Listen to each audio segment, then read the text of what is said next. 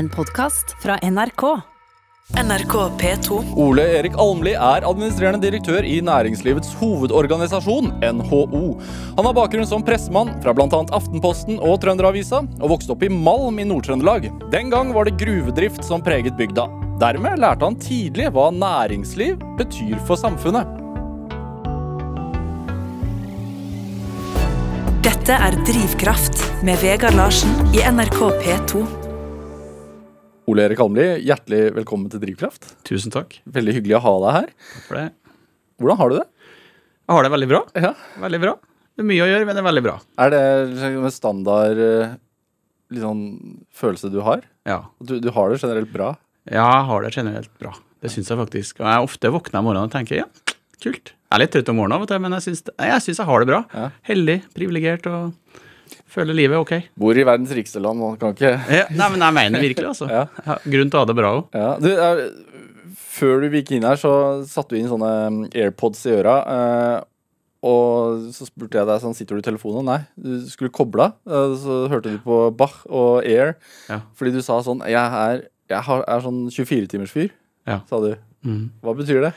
Nei, Kanskje spesielt nå med koronakrisen, så har det vært mye jobbing. Eh, og når du er NHO-sjef, så skal du være NHO-sjef 24 timer. Bør du sove litt òg, men likevel. Det er 24 timer på. Så tenkte jeg at jeg måtte prøve å koble meg litt ned og inn til deg, da.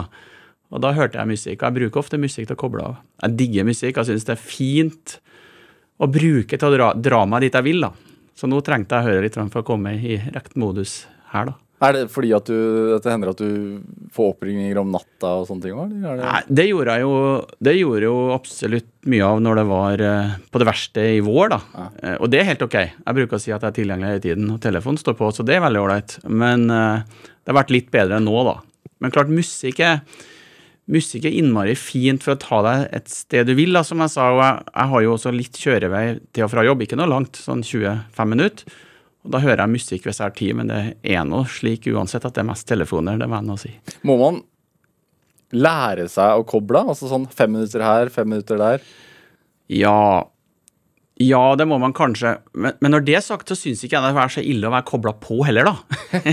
det må jeg bare si.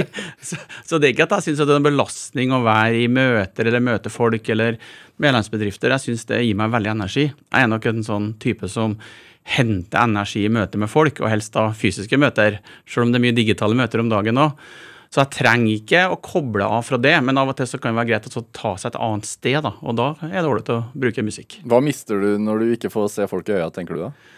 Sånn, det, Nei, får ja. på, det får du digitalt, da, men du- altså, du får ikke møtt mennesker. Nei, nei, jeg merker jo at når jeg møter mennesker i disse dager, så gir det meg veldig mye energi. ikke sant? Så det kan jo hende at det er det som er svaret. Ja. For da er jeg sånn som liker folk. Da liker å være sammen med folk og liker å skape ting sammen med folk. Eh, liker å høre hvordan folk har det, og er nysgjerrig på folk. Så når man da sitter i digitale møter, selv om man får beslutta ting raskt, så mister du nærheten og øyekontakten og følelsen av å connecte, da. Ja. Så det tror jeg, og det tror jeg mange kjenner på nå. Og så er det greit for meg, for jeg er noe privilegert. Jeg møter fortsatt mye folk, men jeg tenker av og til på de som sitter Kanskje de som er i risikogrupper da, og sitter veldig mye inne nå for å unngå å bli syke.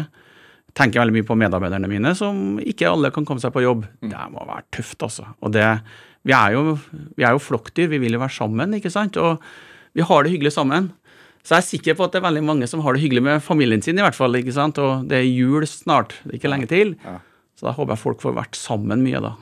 Jeg tror folk har behov for det. Hva tenker du om eh, julebordsoppfordringen og sånn som kom for litt siden?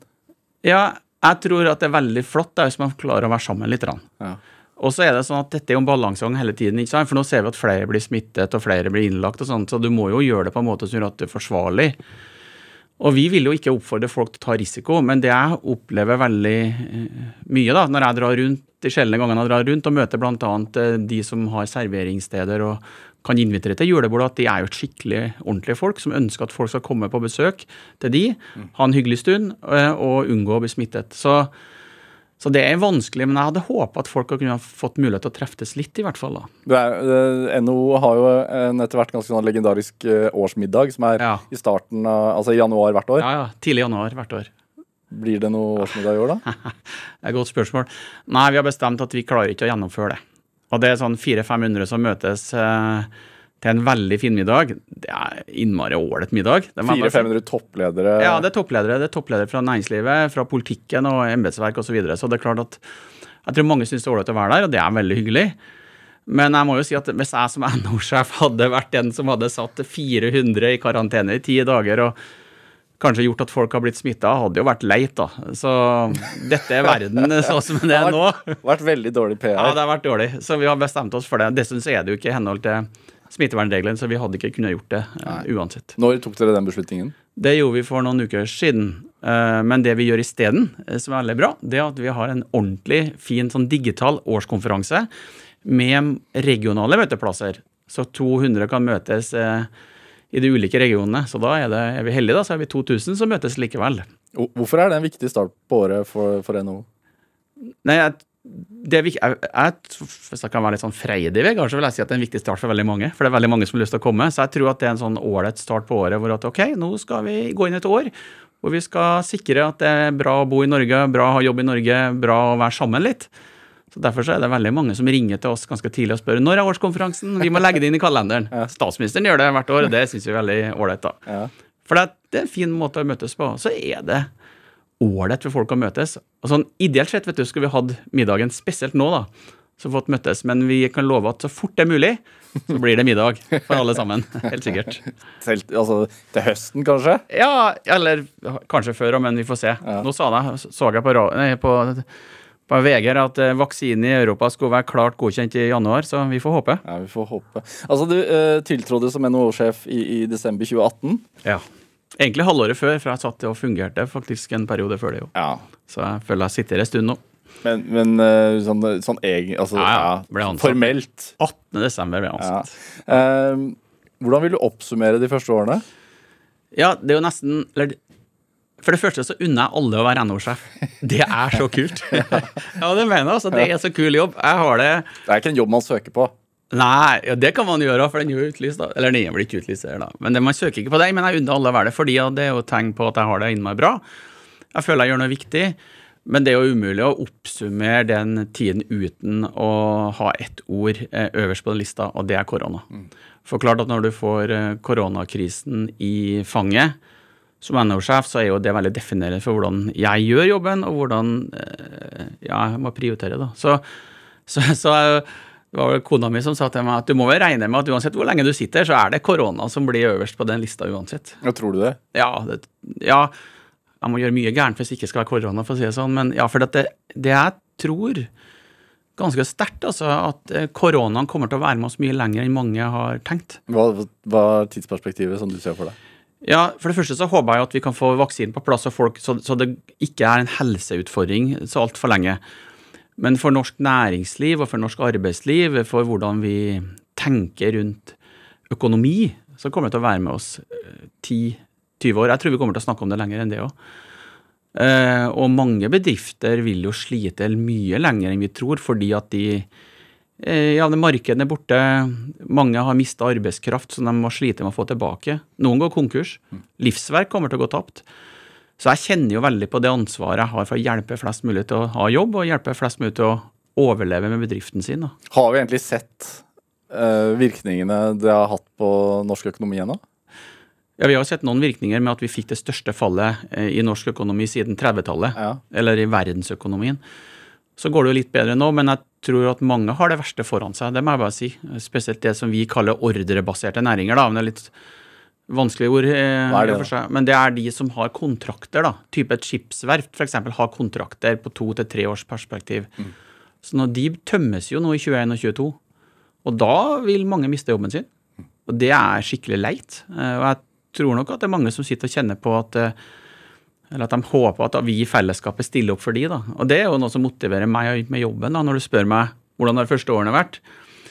Nei, det har vært eh, å stå opp om morgenen og jobbe for det, mm. faktisk. Hva, hva, er din, altså sånn rent faktisk, hva er hovedoppgaven din? Ja, jeg leder jo NHO som et stort fellesskap ikke sant, av mange landsforeninger og bransjeforeninger. Så, vi, så jeg leder jo stort sett de som da representerer norsk næringsliv. Så jobben min enkelt sagt, er at jeg skal jobbe for at bedriftene har, det, har best mulig rammevilkår, som vi kaller det. da. Har best mulig mulighet til å drive det de driver med, kunne ansette flest, flest mulig folk og drive med overskudd, slik at de kan betale skatt og avgifter, men også investere i nye eh, bedrifter. Det er jobben min. Så, men, men, hvis jeg skal ha sagt det på en veldig sånn samfunnsmessig måte, så er jobben min først og fremst å sikre at Norge er et bra land også i 2050. Ja, det, det, føler jeg veldig på. Det er sånn du ser på det? Ja, ja, det gjør jeg. Og hvis ikke jeg gjør jobben min, så risikerer jeg at eh, vi ikke får et eh, så bra land som vi ønsker. Hva er et bra Norge 2050, da? Det er et land som tar vare på folk. Det er et land hvor du har jobb, eh, og alle som kan ha jobb, skal ha jobb. Men de som ikke kan ha jobb, om det er om man er syke eller pensjonist eller om man er student, så skal man også bli tatt ordentlig godt vare på. Det er jo den norske modellen, ikke sant. Det velferdssamfunnet som jeg er glad i. Det er det som motiverer meg til å sikre at det er jobb til folk. Hvor, hvor, hvor, lik er den tankegangen øh, til det de tenker i LO, f.eks.? Ja, hvis, at han, hvis at Hans Christian Gabrielsen, da, som jeg kjenner veldig godt og har veldig godt forhold til, hadde vært der, så tror jeg han har sagt mye av det samme. Ja. Så i Norge vet du, så er vi ganske heldige at vi har jo diskusjoner, det skal vi ha, vi kan være uenige om mye. Men vi er egentlig ikke så veldig uenige om målet. Så kan Vi være, vi vet hvilket fjell vi skal gå på, men vi kanskje har litt ulike stier opp. Eh, det gjør det veldig motiverende å jobbe med sånn som LO og andre, da. Eh, så skal vi tåle diskusjonen når vi er uenige, men jeg tror hun ville ha sagt mye av det samme. Men er det ekstra viktig i en sånn krise at du har, har det langsiktige perspektivet? Ja. ja, det tror jeg. Hvorfor det? For det første så, Spørsmålet ditt er godt, for det første så er det litt vanskelig av og til å holde det. ikke sant? For du skal gjøre sånn mye eh, akutt nå. da. Ja, fordi nå redningspakker, redningspakker. Ja, ja, du, vi jobber dag og natt for å få, fikse dette, og så fiksa det. Men, eh, men, jeg ville antagelig ha gjort jobben min veldig dårlig hvis jeg ikke i tillegg hadde det langsiktige perspektivet. Så alt det vi skal gjøre av kortsiktige tiltak, de må fungere slik at vi kommer i 2050 eller 2030 da, dit at det er jobb til folk. Mm. At det er bærekraftig politikk, at vi redder klimaet. At vi sikrer at vi gjør Norge i stand til å konkurrere godt med utlandet på det vi skal konkurrere med, osv. osv. Så så det der har vi snakka mye om. Det er et innmari godt spørsmål. Og det er egentlig kjernen i jobben min. Det å klare å være både jobbe kortsiktig, naturligvis, men tenke langsiktig.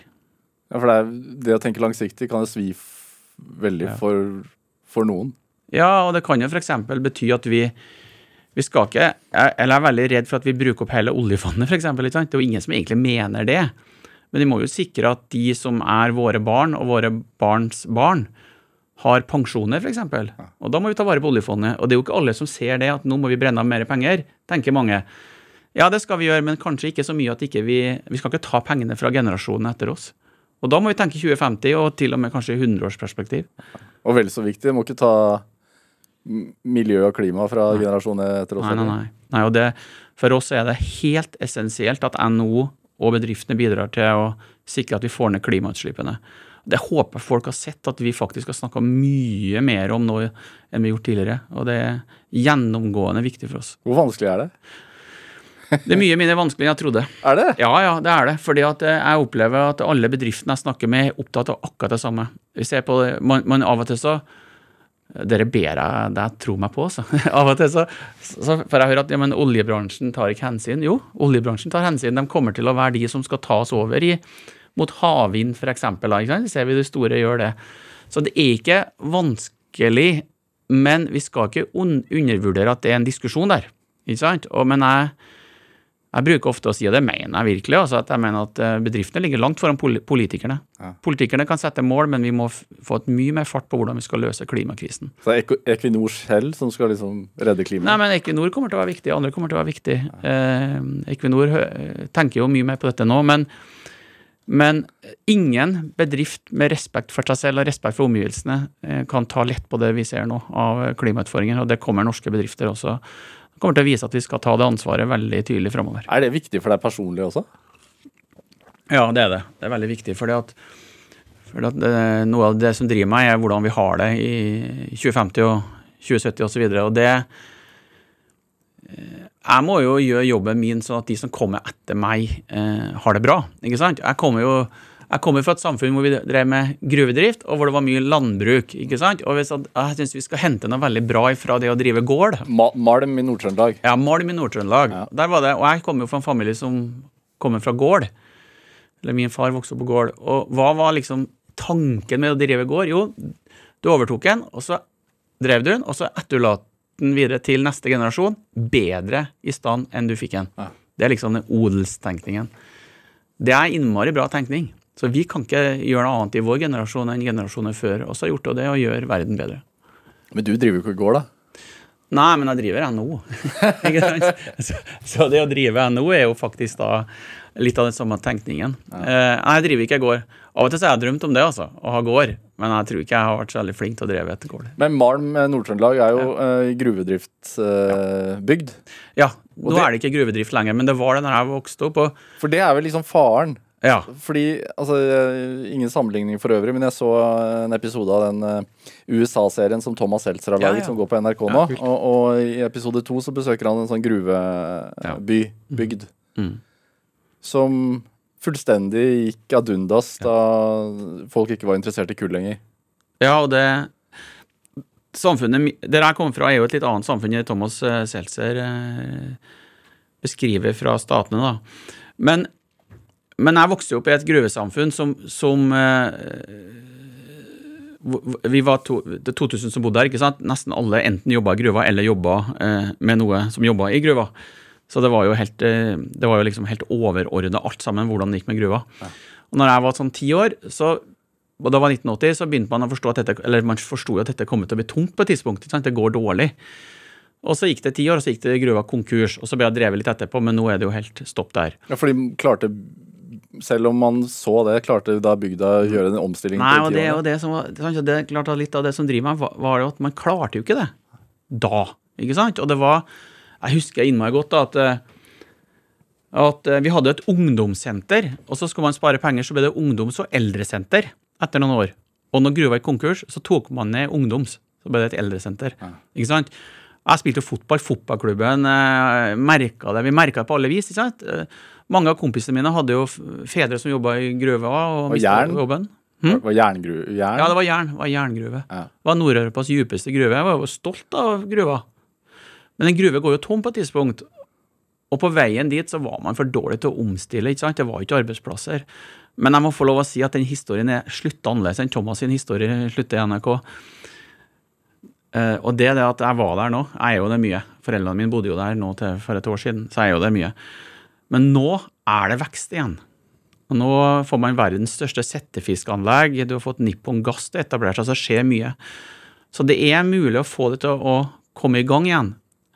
Men det er litt sånn parallelt til korona for meg, da, for nå må vi se at vi må gjøre ting riktig for å unngå at det blir arbeidsledighet. Ja, for det, det, er sånn, det er jo lett å tenke eh, olje- og gasseventyret litt i det lange perspektiv som en, Ja. som en jerngruve. Ja. Hvor etterspørselen ikke kommer etter hvert. da. Og så har man ikke tenkt omstillingen raskt nok. Ja. Nei, men Det er egentlig en parallell i betydningen på at det blir stopp på et tidspunkt. Så tror jeg det kommer til å ta mye lengre tid enn mange tror. Men jeg tror at de, de som er nå aktivt inne i olje og gass, de er allerede i ferd med å omstille seg. Så de er litt foran dette, eh, tror jeg. Så jeg tror vi skal få til det. Men litt av problemet er at olje og gass har gitt oss så mye inntekter ikke sant, som vi ikke nødvendigvis får erstatta. Det er jo alle kjenner oljefondet. ikke sant? Hvor kommer det fra? Det kommer fra at man har solgt olje til en høy pris. Og det er sånn, En arbeidsplass i oljebransjen genererer sånn rundt 18 millioner kroner, mens en arbeidsplass i mange andre sektorer er knapt nok til å finansiere sin egen lønn. Så vi har store utfordringer der, men da må vi tro på det. Og jeg, jeg henter veldig mye inspirasjon fra oppveksten min. Da. At det er mulig å lære av de feilene som er gjort da, men det er også mulig å lære av de riktige tingene som er gjort de siste årene. Er det, hvis man ser sånn øh, trenden nå i, i de store nasjonene, så f.eks. USA, siden jeg tok opp det, der, der er det sånn America first. Altså en slags sånn der proteksjonisme hvor det er sånn øh, Vi må holde det internt. Er det en hva, hva tenker du om den trenden? Bør vi føre den til Norge i større grad også? Ja, det, det er jo egentlig et essensielt spørsmål. Altså Når Vegard noen, noen skriver historien om vår tid, Ja. om 100 år, så kommer det til å være første kapittel. Akkurat det du sier nå. Fordi at, fordi at det som jeg er redd for nå, eh, det er det at du får en sånn proteksjonistisk eh, politikk i etterkant av krisen, blant annet. Ikke sant? Du, har, du så det egentlig før Du har sett det de siste ti årene. Ja. Du har egentlig sett det etter eh, finanskrisen. At du, du ser det i veldig mange land i Europa hvor du får presidenter og regjeringer da, som egentlig velger en proteksjonistisk tilnærming. Sånn America first. Du ser det i Polen, du ser det i Tsjekkia, Italia. Eh, du, du har sett det Noen vil si at du har sett det i Storbritannia delvis òg, ikke sant? Og Ja, men ut av EU. ja, ikke sant? At Brexit du velger, du velger det nære, da. Og så skal vi ha respekt for det. Og du ser at det, store, det er mye opptøyer i mange land. Og du skal ha respekt for at folk ikke føler at de er en del av den rikdommen andre føler. Er du kullarbeider i eh, den byen som Thomas Seltzer var i, så hjelper det ikke å si at det er mange som kommer ut av fattigdom i Kina. Det er ikke sånn at det er mager trøst. Så vi har en vi har en utfordring å diskutere hvordan vi skal håndtere ulikhet. Men svaret på det er ikke å stenge seg inne. Du kan tenke på Norge, da. La oss si at Norge hadde valgt en sånn Norge Norway first, da, eh, og stengt landet. Har vært helt krise. Vi lever av eksport, vi lever av å samarbeide med land rundt oss. Og jeg mener også at det er sånn et, et menneskefokus i det. Vi, skal, vi er én verden, vi skal jobbe sammen. Skal vi løse klimautfordringen, kan ikke stenge landet. Da må vi løse det sammen. ikke sant? Norsk teknologi skal løse klimautfordringen slik at det er ålreit å bo på sydhavsøyer og i Afrika, for å si det sånn. Og det er sammenheng med den der langsiktige tanken, da. Ja, det er det jo, ja absolutt. Det er det, dette, dette brenner jeg ordentlig for. og dette liksom dette tror jeg kanskje kommer til å være en debatt som tar litt løs, da, både i Norge og andre land, i en litt negativ retning. Der skal jeg nå stå ordentlig. Men sånn som når vi ser nå, så er det jo en, dessverre en, en trend hvor arbeidsledigheten i stor grad hos yngre eh, vokser. Ja. Og da kommer det jo antageligvis et krav da sånn Hvorfor kan vi ikke ha fabrikkene her? Hvorfor kan vi ikke Jo, det Ja. Nei, eh, hvis det er én ting ut av denne krisen som jeg tror kan være veldig, veldig, veldig vondt, Ja. det er hvis vi får en varig per, eller en permanent ungdomsledighet. Og det er en viss fare for. For sånne kriser som vi opplever nå, det har vi opplevd tidligere i verdenshistorien, og det ender ofte med at du får en generasjon, eller en del av en generasjon som ikke kommer seg inn i arbeidslivet. Så det, det er mange løsninger på det, men det er én løsning som er viktigere enn noe, og det er å sikre at det er jobb til folk. Og da skal jo vi sikre at Norge er konkurransedyktig, at vi utdanner våre, unge, våre unge da, til å kunne være attraktiv arbeidskraft. Jeg bruker å minne ofte på at før denne krisen så sa seks av ti av våre bedrifter at de mangla kompetanse. Og det sier de samtidig som veldig mange ungdom ikke kommer seg gjennom videregående skole. Så vi må jo hjelpe ungdom gjennom skole, gjennom utdanning, og så må vi sikre at de er attraktiv arbeidskraft for våre, våre bedrifter. da. Og hvis vi får til det, så blir bedrifter i Norge kompetanse i Norge. Det mener jeg er jo en måte å tenke på som ikke er proteksjonistisk, men som å ta vare på folka våre.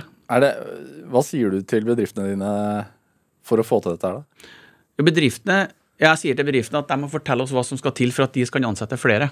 Og det er bedriftene veldig opptatt av. Og det de sier da, det er at de må få lov til å drive Lavere skatter. Ja, men lavere skatter. sant? Jeg hadde håpa at dette ikke var en time om skattedebatt, men jeg tar gjerne det. det også, skal, vi, virkelig ikke inn i. Det Nei, nei, jeg, vet, jeg, vet, jeg var helt sikker på at du ikke ville det. Nei, det det, vil det ble vel en sang snart. Men, men, det, nei, men at lavere skatter, ikke sant? det blir en diskusjon i Norge om du får eller, får eller imot lave, la, lavere skatter. Ja. Nei, men bedriftene, det er enkelt sånn. Har du en bedrift som du har en idé å realisere, eh, og du skal gjøre noe og utvikle det, så må du ha rammevilkår til å gjøre det. Det er ganske sånn enkelt. Sant? Det er litt sånn som når du skal kjøpe et hus, så må du ha råd til å kjøpe huset, eller ikke råd til å kjøpe huset. Ikke sant? Så det er litt sånn samme tenkningen. Men bedriftene vil jo ansette ungdom. Sant? Lærlinger, eller lærlingespørsmålet, er noe som bedriftene våre er mest opptatt av alt. Og der jobber vi godt sammen med LO, blant annet. Så, så vi må sikre at ungdom får jobb. Gjør vi det, så vil vi også ta vare på ungdommen på en helt annen måte. Tenk på deg sjøl, da. Forskjellen på å ha jobb og ikke jobb. Det er eh, forskjellen på om du kan ta vare på deg selv og andre, kontra at du må være, under, eller være i en situasjon hvor du ikke får gjort noe. Kanskje må du gå på Nav, ikke sant. Og det skal man ha respekt for at folk gjør, men vi må sikre at folk har jobb. Det der, altså, det der så jeg fra oppveksten min, eh, Vegard. Ja, hvordan da? Ja, ja. Jeg, jeg, når jeg så at folk mista jobben sin Ja. Hvordan påvirka det Malm? Malm, det påvirka Malm på en veldig, veldig dårlig måte. Du så, at, du så jo folk mista jobben sin, og det jo, folk blir jo deprimert. Eh, det var jo ikke andre jobber å gå til, ikke sant? Og du, sånn, Men da var jo du Du var et barn. ja, ja, Hvordan, ja. hvordan, opp, opple altså, hvordan merket du det? Nei, det var jo Det var flest av mista jobben akkurat når jeg var sånn i russetiden, eller eh, på videregående, da, og når jeg flytta derfra. Nei, du merker det jo på det at det blir mindre aktivitet på fri, sånn fritidsaktiviteter. blir mindre, mindre aktivitet, færre Færre går på ski og sånn, ikke sant? færre spiller fotball. Eh, og så ser du det på eh, altså Det er en helt bagatell, men du ser at folk tok jo mindre vare på husene sine, f.eks. Og husprisene i Malm var det laveste i hele Norge en periode. faktisk. Husker jeg var en kompis av meg som skulle selge huset etter at faren døde. Han skulle selge for 70 000. Og så fikk han ikke solgt det, så sa han, så sa han du kan få kjøpe for 60 000 hvis du betaler kommunale avgiftene. Sant? Og det er ganske ille, ikke sant? Hvilket år var det? Det var i Det var tidlig på 90-tallet. Det var vel sånn i 95, nei, 3-94. Men nå er det optimisme i Malm. Det var fordi at man så at det var muligheter. Og den industrikulturen som var i Malm, med den gruva, den er nøkkelen til å ta dette videre. Så det er alltid håp. Og selv om det er litt tøft for mange nå, det kommer til å gå bra. Men Det du kommer til å ta litt tid. Ja, Du, du mener det? det går alltid bra. Ja. Går, ja, men det går alltid bra. Ja. Se på verden, det går alltid bra. Det tok, etter svartedauden Det gikk jo ikke bra året etterpå, men det tok 400 år, så gikk det bra. Det går bra. Nei, ikke si at det skal ta 400 år. Nei, det, tar, men det kommer til å ta litt lengre tid enn mange tror, da. Ja. Er det eh, Ole Erik Hamli, du er, du er her som administrerende direktør i, i NHO. Er det altså, Vi snakker om Malm, altså der du vokste opp i Nord-Trøndelag. Hva, slags samfunn altså, For det, det var ikke bare trøndere som jobba der, antar jeg? Nei, Det var det ikke. Nei, eh, Malm fantastisk samfunn. Egentlig, faren min eh, Hva gjorde han da, da du vokste ja. Faren min var lærer i starten. Han var læreren min òg, faktisk. Det var jo ganske heftig, da. Eh, På skolen? ja, han var, han var læreren min eh, når jeg var i niendeklassen. Det var kult, da. Eh, Var, nei, det var ikke så kult. ikke, kult. du, jeg, jeg er den eneste som tok med meg faren min på reunion med klassen. så, ja, han, var, han var en kul lærer, da. Eh, Så jeg tror veldig mange har respekt. Hva var han lærer i? Eh, samfunnsfag og engelsk. Eh, ja, og noen flere fag òg, men det var spesielt i språk og samfunnsfag, historie og sånn. Men så ble han polit politiker etter hvert. altså så klart han var jo, Mange kjenner han som en politiker og var, har vært i, i styrer i næringslivet og sånn. Men han er jo han var jo mm, lærer da, men han har jo skrevet tre bind faktisk om Malm. Tre bøker om Malm. Oi. Ja, og Dem burde mange ha lest, og mange har gjort det òg. Men de forteller om et samfunn som var helt aty atypisk. da. Eh, Distrikts-Norge, ikke sant? Det var et samfunn hvor eh, det, hvor det var snakka Det var tysk. Eh, man snakka tysk og polsk i gatene, for det var jo gruve, gruvebåtene kom jo, ikke sant? Eh, Og de som var på båtene, kom jo land, ikke sant? Vi, vi, vi kjøpte jo polsk sprit før vi, før vi burde gjøre det fra båtene. Og, eh, og så var det mye svensk, for det var mange svenske rallere som kom og jobba i gruvene. Så det var jo et bitte lite lokalt landbrukssamfunn, dette, for 120 år siden. Og så bang, sa det. Så var det full fart eh, med gruvedrift. Og det var jo tyskere som eide gruva. Så under krigen så var det faktisk sånn at hjernen fra Malm gikk til våpenindustrien i Tyskland. Så det er vanvittig spennende historie. Og masse konflikter, da, ikke sant. Det var masse streiker, og det var masse for Før min tid, da, men det var fantastisk samfunn å vokse opp i. Med sånn litt sånn internasjonalt preg over det. Veldig ulikt mange andre da, som har vokst opp utafor byen. Oppstår det da konflikter mellom bøndene som alltid har bodd der, og, og de tilreisende, eller? Ja, det var nok litt Det var sikkert en del konflikter eh, tidlig i gruvetiden. Det har jo også fattern skrevet om, men det var jo ikke så mye det. Det var nok heller at det, det var nok litt sånn klassekonflikter, da. Det er også en diskusjon i morgen om hvor mye var det, da. Konflikter mellom arbeidere og ledelse. eh, Det tror jeg alle blir enige om. Men, men samfunnet var Det var jo ikke elv. Eh, Ikke sant? På ene sida av elva så var, bodde ingeniørene og lederne, og på andre sida så bodde arbeiderne. Arbeiderne bodde i tomannsboliger, og ingeniørene bodde i boliger som Eller enmannsboliger. Hvilken side av elven bodde Nei, på? Vi bodde ikke på noen av sidene, for vi bodde litt lenger unna. Vi bodde i eh, eh, et, Ja, det var et sånn- for så vidt et sånn boligfelt der, men vi var jo lærere. Både mamma og pappa var lærere, da, så vi var liksom midt imellom, da. Kanskje. Det, var, det er litt sikkert mange som kan si litt annerledes. Vi eh, Hva- hva- men klart, 17, Tenk på det, at 1. mai-toget var lengre enn 17. mai-toget i den bygda. Var det. Og, vi, og kommunen betalte is til alle ungene for 1. mai, men ikke 17. mai. Går du i 1. mai-tog? Nei, men det kunne jeg gjerne ha gjort. Nå gjør jeg ikke det. Jeg har ikke gått i så mye 1. mai-tog. Eh, Jeg har gått en del 17. mai-tog, med barn og sånn, men, eh, men eh, vi Jeg kunne egentlig ha gjort det, da. Jeg lurer på om det er litt, litt sånn provokasjon om NHO-sjefen har kommet og gått i ja, nå ja, men, i men jeg tenker opp, igjen, opp igjennom. Jeg, siden- Nei, vi gikk ikke så mye i det 1. mai-tog. Men hva tror du at det har gjort med deg, det at du har Altså Malm, et sted med 2000 innbyggere, som blir et gruvesamfunn med, med tilreisende folk fra, fra flere land i Europa. Hva, hvordan tror du det har prega deg? Har det, Mm. har det påvirket måten du ser på verden på, på noe vis? Jeg håper jo egentlig det. Jeg- men, men jeg håper jo det. Nå jobber jeg mye med eksport, faktisk. da. Jeg er veldig opptatt av eksport. Det, men, det, men det forteller kanskje hvordan man, hvordan man er. da. Det var faktisk først noe siste årene at jeg reflekterte over faktisk at dette var et eksportsamfunn. Vi tok, gitt, tok det for gitt. ikke sant? Vi tok opp eh, jernmalm, eh, bearbeidet, sendte ut med skip og solgte det ikke sant? rundt omkring i, i verden. her, for- Fortrinnsvis Polen og Tyskland var det vel eh, i de periodene. Og så tenkte jeg, altså Nå tenker jeg jo mye på at hadde ikke vi fått solgt det greiene der, så hadde jo ikke vi i det samfunnet vært. Det hadde ikke vært der. ikke sant? Så jeg tror nok det har prega meg veldig mye på forståelsen av at skal vi ha et bra land å bo i, så må vi faktisk da handle med verden rundt oss. Og det var jo en selvfølge når vi vokste opp. Så, så um, Men det var jo Ja, så det var det ene. Det andre var jo at det var jo mye svenske uttrykk i, i språket der vi kom fra. ikke sant? Så det var jo, det var jo helt vanlig. Som for eksempel? Nei eh, Morsan, for eksempel. Morsan og farsan. Og, og det var jo Vi var jo Vi var jo hadde jo Det var, vi var jo andre generasjon også, men klart mange av de En av lærerne mine var jo mm, veldig sånn svenskinspirert, eksempel. Og vi var jo Men det var jo Mange av de for jo etter hvert òg. Det, det var jo rallare, mange av de der. Og det var jo flinke arbeidsfolk, flinke folk, ikke sant. Men mange var fattige. Så klart på rundt, ja, rundt 1920 for eksempel, litt før det, så var det ganske sånn fattigslig for mange. Og de svenskene var eh, hardt ramma av det. Det var litt sånn skille mellom de og de norske. For eksempel så var det sånn at Malmö arbeiderforening, da, som var de ansattes forening, der var det konflikter mot syndikalistene fra Sverige. Og det skal ikke gå inn i det, men det er ganske spennende. Det var faktisk et av de samfunnene i Norge med flest syndikalister. Virkelig opprørske svenske aktivister, da. Ja. Skulle gjerne gjerne vært der i den tiden og opplevd det, altså. Men da du vokste opp, hadde du venner som var barn av eh, gruvearbeidere fra forskjellige Ja, ja, ja. Ja. ja, ja. De, veldig, veldig mange i klassen min var jo det. Men, hva, men hva tenker du om eksportutfordringene i Norge i dag, da?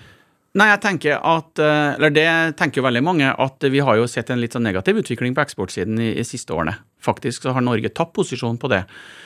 Og vi er jo veldig råvarebasert. ikke sant? Oljeprisen og fisk, prisen på fisk er jo avgjørende for om det går bra eller dårlig på eksportsiden, så vi er nødt til å jobbe mye mer med å sikre eksport.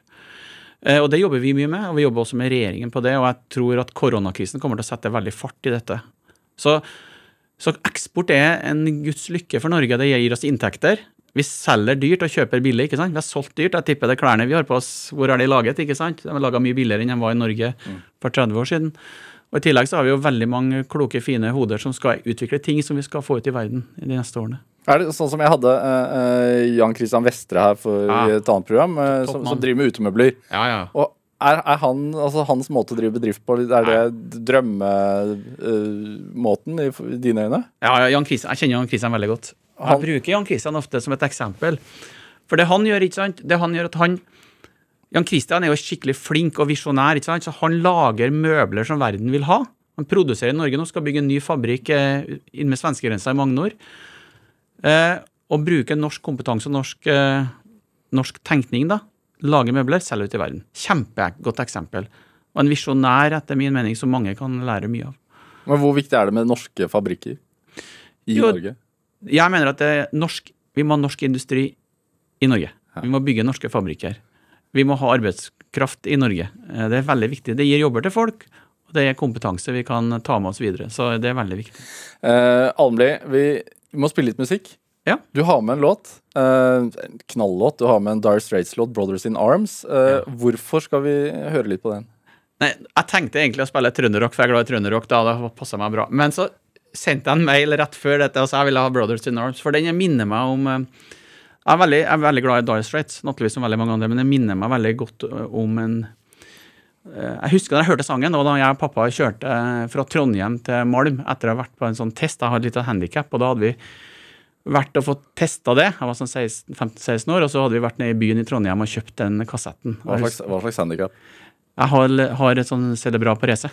Så da var jeg på test, da måtte jeg testes en gang i, i året hvordan jeg lå an på det. da. Så det kan jeg Men hva, hva tenkte du da når du spilte den? Altså, hvorfor er den et, godt minne? Nei, for det første så var det helt naturlig for meg å være på de der testene. Det var, men det var jo sånn noe du huska, ikke sant? Og, jeg husker, og da tror jeg var sånn 16 år, da. Da begynte jeg å få meldinger om at ting gikk bra, da. Eh, og eh, jeg husker akkurat hvor jeg hørte den sangen nå. Det var faktisk da hadde vi, vi kjørt via Vanvikan. Så jeg husker akkurat det. Det er en fantastisk sang. Nå tror jeg mange husker når de hørte Brothers in Arms første gangen, da, men den er en kanonsang. Og for meg så er det et godt minne òg, da. Ja. Altså nå Ja, jeg har kanskje det handikappet, men det skal ikke Nei, det var ikke handikap. Sangen er viktigst. Nei. Ja, det, det handikappet, det fikser vi bra. La oss høre da. Så, Ja. Vi ser for oss hva da? Vanvika? Vanvikan. Ja.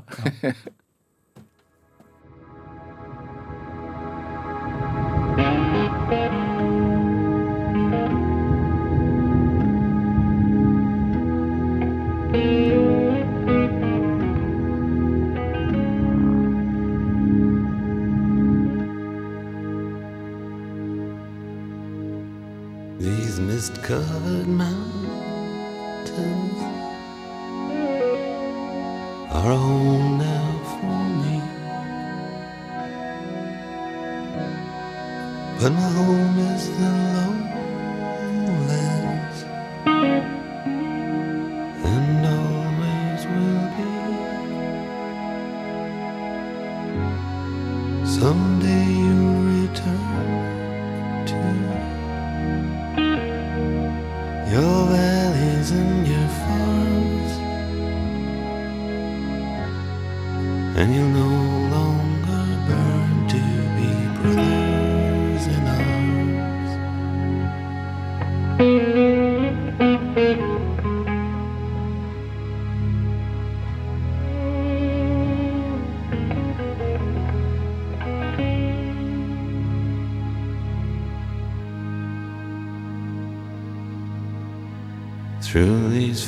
of destruction,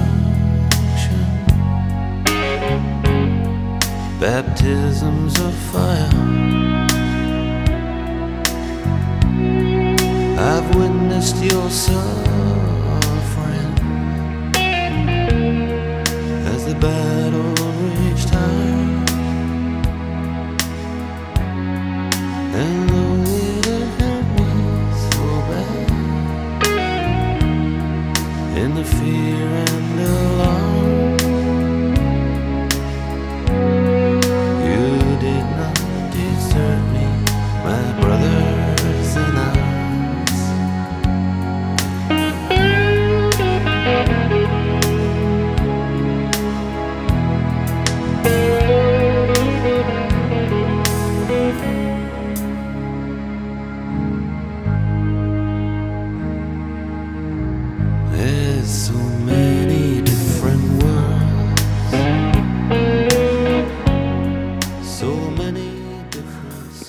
Du fikk litt av Brothers in Arms av Dire Straits her i Drivkraft på NRK P2, valgt av dagens gjest. Nemlig eh, administrerende direktør i Næringslivets hovedorganisasjon, Ole Erik Armli. Og det er jo Altså, Jeg skulle gjerne spilt hele låten, men det er, og det er en fantastisk sånn billåt. Og Ja. Det at du, du hørte den kanskje ikke første gang, men i hvert fall et sterkt minne av den fra du kjørte bil, er jo kanskje ikke tilfeldig. Nei. Eh, du sa at du hørte den At du hadde vært og testa deg for uh, cerebral parese. Altså når Det er noe man er født med? Eller du er Ja, født det med? cerebral parese er egentlig en definisjon på en sånn, vis, en sånn funksjons, en grad av funksjonshemming. da. Ja. Så jeg ble født med det. Hva Var det Og så skjønte moren og faren din det med en gang at du hadde det? Og, Ja, ja. Det var, eh, det var Jeg ble født to måneder for tidlig. Og det var jo ganske heftig i 1969. Ja. Så jeg skulle egentlig vært født i 1970, men jeg ble født i, i 1969. Eh, så moren min ble jo sendt til sykehus i Alast. Og faren min rakk ikke. Så jeg ble født eh, altfor tidlig og hadde, hadde ikke en vel, eller utvikla lunge, da, så ene lunga mi klappa sammen. Så jeg fikk ikke oksygen til hjernen i en veldig kort tid, men like fullt så ble det en hjerneskade av det. Så jeg ble døpt sånn på timen, egentlig. hastedøpt. Hastedøpt. Jeg tror, de hadde ikke engang bestemt seg helt for navnet, da. Så det, var, så det ble Ole Erik eh, av mamma fort. Og det var vel egentlig en slags i forvissning om at det var greit å få døpt meg fordi at det kom til å gå gærent. da. Ja. Så det var jo de, Men jeg overlevde jo heldigvis, da, kan jeg jo si. Ellers har jeg ikke vært her. Men, men for dem var jo dette en tøff opplevelse, og det var jo mye hef, mye prakk etterpå. Jeg lå jo kuvøse, ikke sant. Og, sånn, så. Når er det første gang du tenkte eller forsto at du hadde det handikappet? Det var ganske liten, ja. Eller det var ganske tidlig, det. For at jeg hadde jo en sånn litt skeiv fot, da, så jeg halta jo litt, ikke sant. Og så Ja, og så har jeg en funksjonshemming, så jeg er klart litt sånn svakere i venstre fot og venstre hånd. Og ser veldig dårlig, eller nesten blind, da, på ene øyet. Men, eh, men eh, det er jo ikke noe, jo ikke noe problem, for som jeg sier, hvis, ett, hvis, hvis alle har tre øyer, da, så har to øyer vært et problem òg, ikke sant? Så, så, så, det, så det er jo ikke noe problem. Men, men jeg husker jo det godt, ja. At jeg hadde litt problem med at jeg dro på fot og litt sånn, da. Men hva sa Hva, hva er det eh, moren og faren din gjorde, tenker du, som har gitt deg den innstillingen at det aldri har vært noe problem? Nei, de var jo Vi gjorde jo ikke noe problem ut av det. Og så, og så ble jeg jo sånn foten Problemet er at når du vokser, da, så er det veldig viktig at du Eller du, du må vri på foten mye. Sant? Så, så faren min brukte mye tid da på å vri foten min, så at jeg fikk bevegelse i foten. Så at jeg, klart jeg er bedre til å bevege venstrefoten nå enn jeg ville vært hvis den bare hadde ikke gjort noe med det. ikke sant? Eh, og, og jeg, men de gjorde jo ikke det var, det var jo ikke noe problem. Det var jo ikke sånn, det var ikke noe stakkars meg. ikke sant? Og det var jo heller ikke noe stakkars meg. Det eneste var at jeg syntes ikke det var ikke like kult å skyte med pil og bue. Hvis jeg tok det andre øyet, så var jo det litt ute å kjøre. ikke sant? Så, det, så der fikk jeg Mamma var litt redd for det. Men ellers så, så gjorde vi ikke noe mye problem ut av det. Men, men jeg trena jo eh, litt mer kanskje da enn jeg ville ha gjort ellers som liten lite barn. Og så begynte jeg et år senere på skolen, for jeg gikk sammen med 70-kullet. For jeg var jo litt senere utvikla sånn. Det var jo Du var mindre òg, da, selvfølgelig. ja, jeg var jo, det, jeg var jo alltid mindre sånn, øh, Nå er jeg på snitthøyde, men jeg var jo på til og med konfirmasjonsspillet så står jeg litt langt framme, vil noen påstå. Men det er jo helt ok. Men jeg sprang jo spilte fotball og sånn, men det klart det var litt Jeg merka det, ja. Det gjorde jeg. Stiver og klarer ikke å klippe Jeg klarer ikke å klippe neglene mine med, på høyre med venstrearmen. da. Nei. Er det Men var det sånn hjemme hos dere at Du skal ikke synes synd på deg sjøl? Ja, det var det jo. Det var ingen grunn til heller. Eh, det, det var jo sånn. men det var det, Men det var jo ikke noe stort tema. ikke sant? Vi gjorde det sånn som det var, og så var det greit. Og leka og holdt på, da. Men det var jo, det var jo av og til et tema, det der med øyet og Ja. Og ikke Jeg klart jeg var jo ikke den som klatra raskest opp et tau da, når du har en arm som ikke funker. da, ikke sant? Så, sånn, så jeg tenkte vel sikkert av og til på det. Men det tror du at det har gitt deg en sånn ekstra innbitthet? Altså en stå-på-vilje? Ja. Ja, det tror jeg. For det første så tror jeg det at det faktum at jeg nesten ikke overlevde, tror jeg faktisk preger meg litt mer enn jeg av og til har tenkt. da. Hvordan da? Nei, jeg overlevde jo. Ikke sant? Så da må jeg gjøre det beste ut av det. Jeg, føl, jeg har alltid følt at jeg skal gjøre litt ekstra. Ja. alltid følt det. Alltid følt at jeg har litt ekstra ansvar. Eh, og har litt mer å gi tilbake enn det andre bør forvente at andre gjør. da. Og Det husker jeg pappa snakket, sa til meg en gang, at vi som har ressurser til det, vi må gi mer tilbake enn de som ikke man kan forvente det av. For at det er ikke alle som kan det. Hvorfor er det en viktig lærdom? Nei, fordi at eh, Nei, for jeg tror at alle eh, Og det husker jeg det husker jeg fattern tok meg en gang på. For at eh, han sier at du kan ikke si at alle skal opptre likt. Det, alle har ikke forutsetninger for det. Noen har problemer som de må få lov til å ha. Men da må alle andre som ikke har det, faktisk da ta et step fram og ta et ekstra ansvar. Og det tror jeg alle kan ha godt av å lære. Da. De må bruke ressursene sine. Men det er jo ikke sånn at det er jo ikke sånn at jeg er noe bedre fordi jeg er NO-sjef enn en annen. ikke sant? Det er ikke det. Men du må gjøre det beste ut av det. Ja. Det mener jeg nesten en sånn borgerplikt du har. Og selv med en eh, litt svak uh, fot, så kan du bli raskest på 60 meter. Ja, jeg var nest raskest. Det ble påpekt en gang jeg hadde sagt jeg var nest raskest, så jeg skal ikke ta æren for det. Det synes jeg var det mange andre i klassen som sprang veldig seint. Men nå får jeg helt sikkert meldinger på det. men, jeg, men jeg sprang raskt, det går jeg. Og jeg spilte jo fotball. Eh, jeg, var jo, jeg var jo høyreving, for jeg kunne ikke være venstre, for venstrefoten funker dårlig. Men jeg, for meg så var det helt naturlig. Jeg ble jo kanskje litt mer innbitt, da. Eh, og ville jo få til likt, da. Men jeg ble jo fotballtrener etter hvert òg. Så jeg fikk tatt ut det på den måten. Må må lære seg ting på en litt annen måte. Ja, kanskje springe litt lenger og litt oftere og sånn, da. Ja.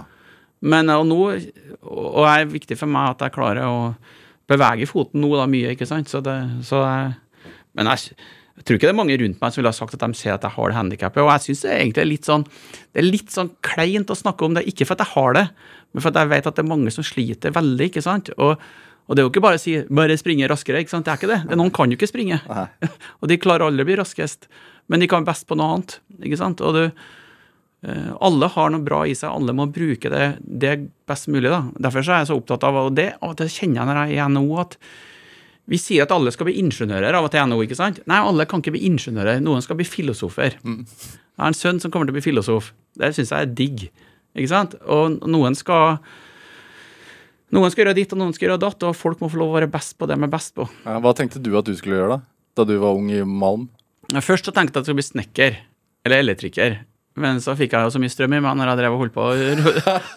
Så det holder på ikke rent til skogen. Det var, var ikke det du var laga for, tydeligvis? Nei, ja, men, men, nei, men jeg husker en gang mora mi kom ned, da bare hadde jeg fått skikkelig støt. da. Men, men så var det ganske tidlig, så skjønte jeg at jeg skulle bli journalist. Ja. Så det er jo journalist det er jo journalist jeg er i mage og hjerte og hode. da. Hvordan skjønte du det? Det fantastisk. Det var for øvrig sånn licensed uh, to be curious. Det er, du kan være så nysgjerrig som du vil da, uten, å, uten å måtte stå til ansvaret for det. Ja, jeg kan ha, sitte her med, Ja, ja, vil, NHO-sjefen og spørre om hva jeg vil. Ja. Ja, men, nei, men jeg syns det er Journalistyrket er veldig flott, at det første så er det et eh, ekstremt viktig for at du korrigerer veldig mye. ikke sant? Korrigerer sånn som meg, da. Jeg vil ha sterke journalister som intervjuer meg, setter meg på plass.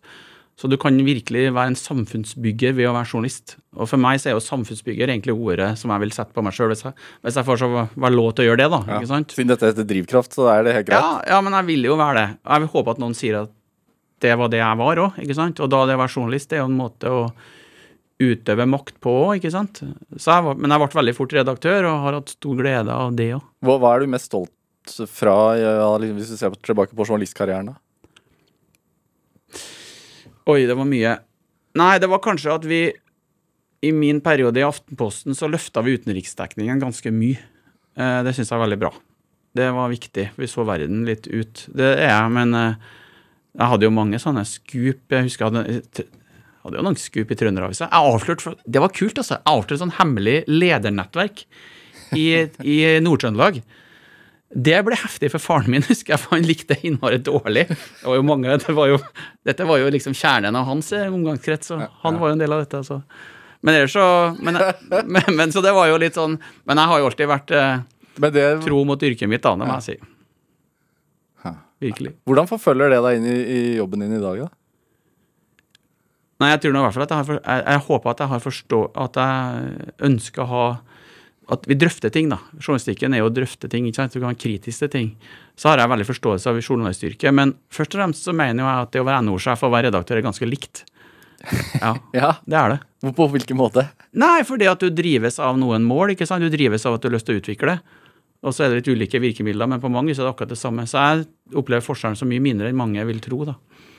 Men det med altså, Du sa det selv også, du blir fort redaktør. Ja. Du blir fort sjef. Ja, det ble jeg.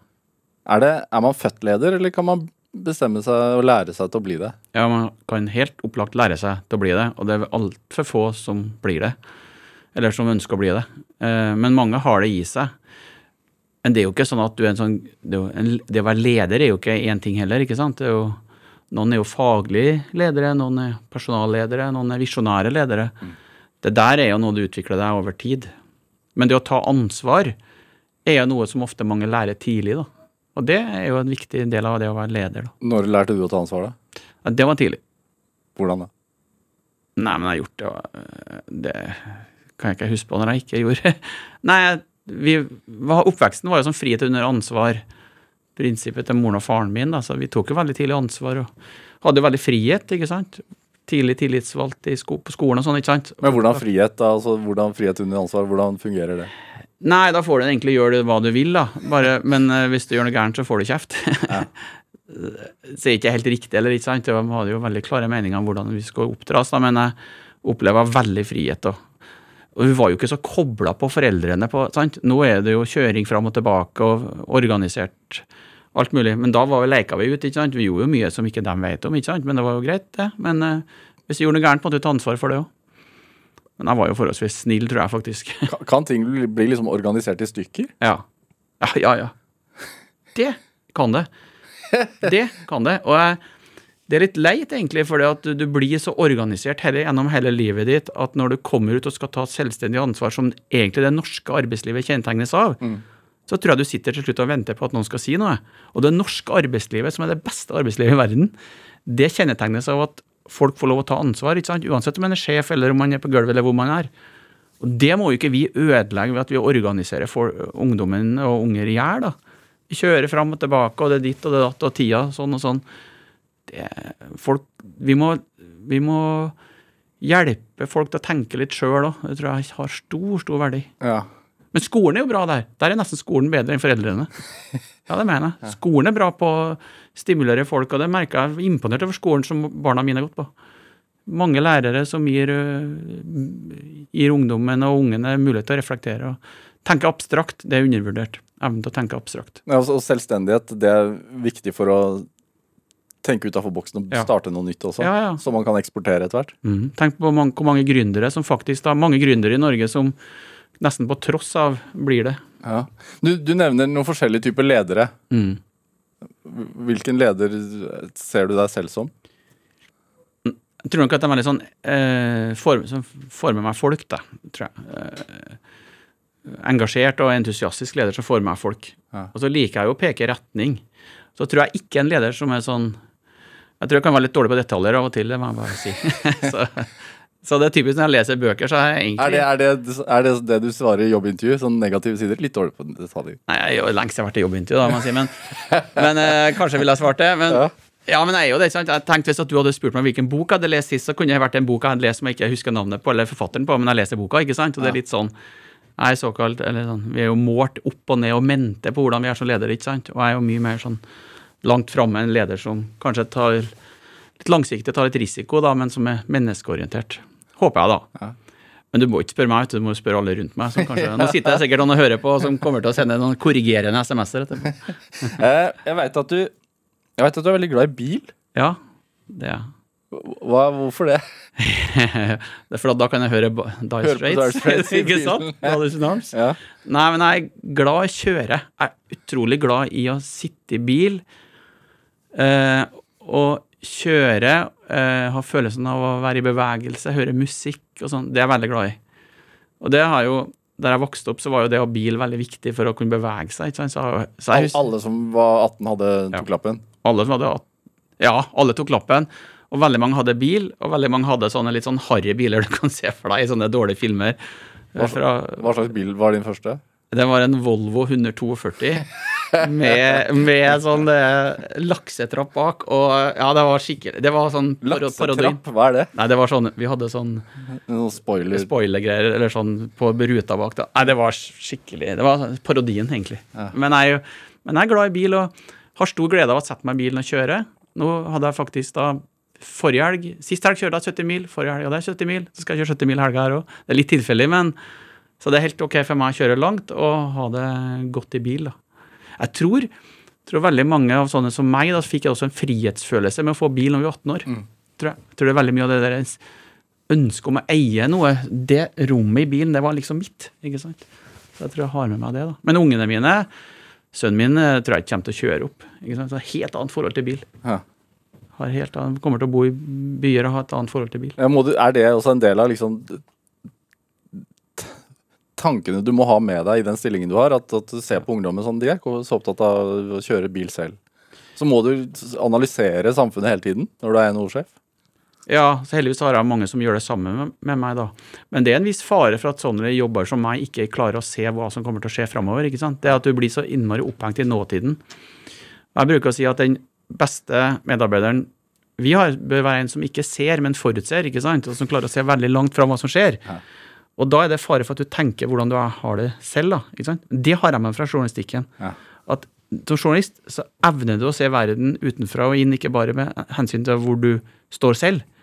Så Derfor så det å forstå f.eks. at ungdommen i dag har et annet forhold til bil, ja, helt annet forhold til bil. Mange kommer ikke til å ha egen bil, mange kjører ikke opp. Mange kommer til å ha fint, fint liv uten å gjøre det. Eh, og det må vi forstå, for det har betydning for hvordan vi bygger ut veier, hvordan vi jobber med teknologi. ikke sant? Autonom, autonome biler, kanskje, blir det du får. Så du bestiller en bil, og så får du den, og så kjøres du på jobb, men du har ikke verken kjørt eller eid den. Nei. Eller at du blir hjemme, da. At det- Ja, du jobber hjemme. Ja. Ikke sant? Det er jo, håper jeg alle ikke skal jobbe hjemme hele tiden, men, eh, men det kommer til å endringene på, i samfunnet kommer til å bli mye raskere de neste 20 årene enn 20 årene bak oss. Ja.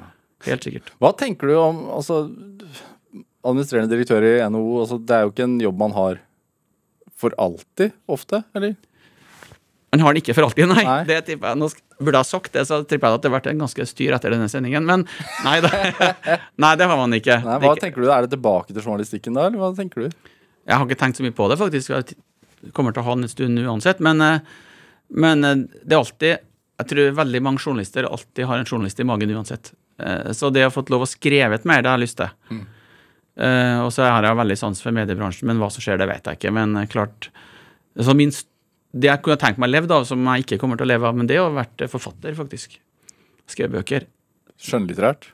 Ja, gjerne det, men jeg har jo en kone som er forlagsredaktør, som ville sikkert ha skyndt seg lagt til at eh, skal vi ha råd til mat på bordet, så bør en ikke satse på det. Men, eh, men, men, men jeg hadde gjerne vært forfatter, ja. Hva skulle du skrevet om? Ja, historie. Jeg kunne skrevet om det vi snakka om med Malm, eksempel. Og, Ja, det har jeg gjort. Det er, jeg har skrevet tre bind om det. Jeg, har hørt. jeg kunne ha skrevet mye bedre enn fatter'n. Nei da. Nei, men jeg, jeg er veldig interessert i historie. Jeg har jo faktisk skrevet eh, litt, da. Så, nei, så det å skrive gir meg veldig glede, da. Ja. Men eh, det, vi får se. Vi får eh, være NHO-sjef litt. Jeg merker at du vil, vil ikke gå i detaljene, jeg merker jeg. Men Nei. hva tenker du er drivkraften din nå om dagen, da, Almeli? Nå eh, Nå er drivkraften min å jobbe intenst for å sikre at vi får bedriften gjennom dette. Og det er sånn personlig drivkraft å få dem gjennom krisen og komme ut av det, slik at vi får løst klimakriser osv. Dette var for så vidt politikersvaret, men det er det, altså. Så jeg jobber veldig mye med det nå. Og så har jeg jo veldig lyst til å sikre at NHO er en viktig aktør, en viktig samfunnsaktør og en viktig interesseorganisasjon også i mange mange år framover. Så jeg har jo veldig lyst til å endre NHO oppi alt dette òg, ikke sant? Det får vi ta en annen gang. Ja, ja, det må vi. Ole Erik Hamli, tusen takk for at du kom hit til Drivkraft. Takk for at vi kom. Hør flere samtaler i Drivkraft på NRK på nett, eller last oss ned som podkast. Send oss også gjerne ris og ros og tips til mennesker som du mener har drivkraft. Send en e-posten til drivkraft.krøllalfa.nrk.no. Vi hører veldig gjerne fra deg. Produsent i dag var Kjartan Aarsand. Ellen Foss Sørensen og Anne Sofie Stang bidro også sterkt til denne sendingen. Jeg heter Vegard Larsen. Vi høres. Du har hørt en podkast fra NRK. Hør flere podkaster og din NRK-kanal i appen NRK Radio.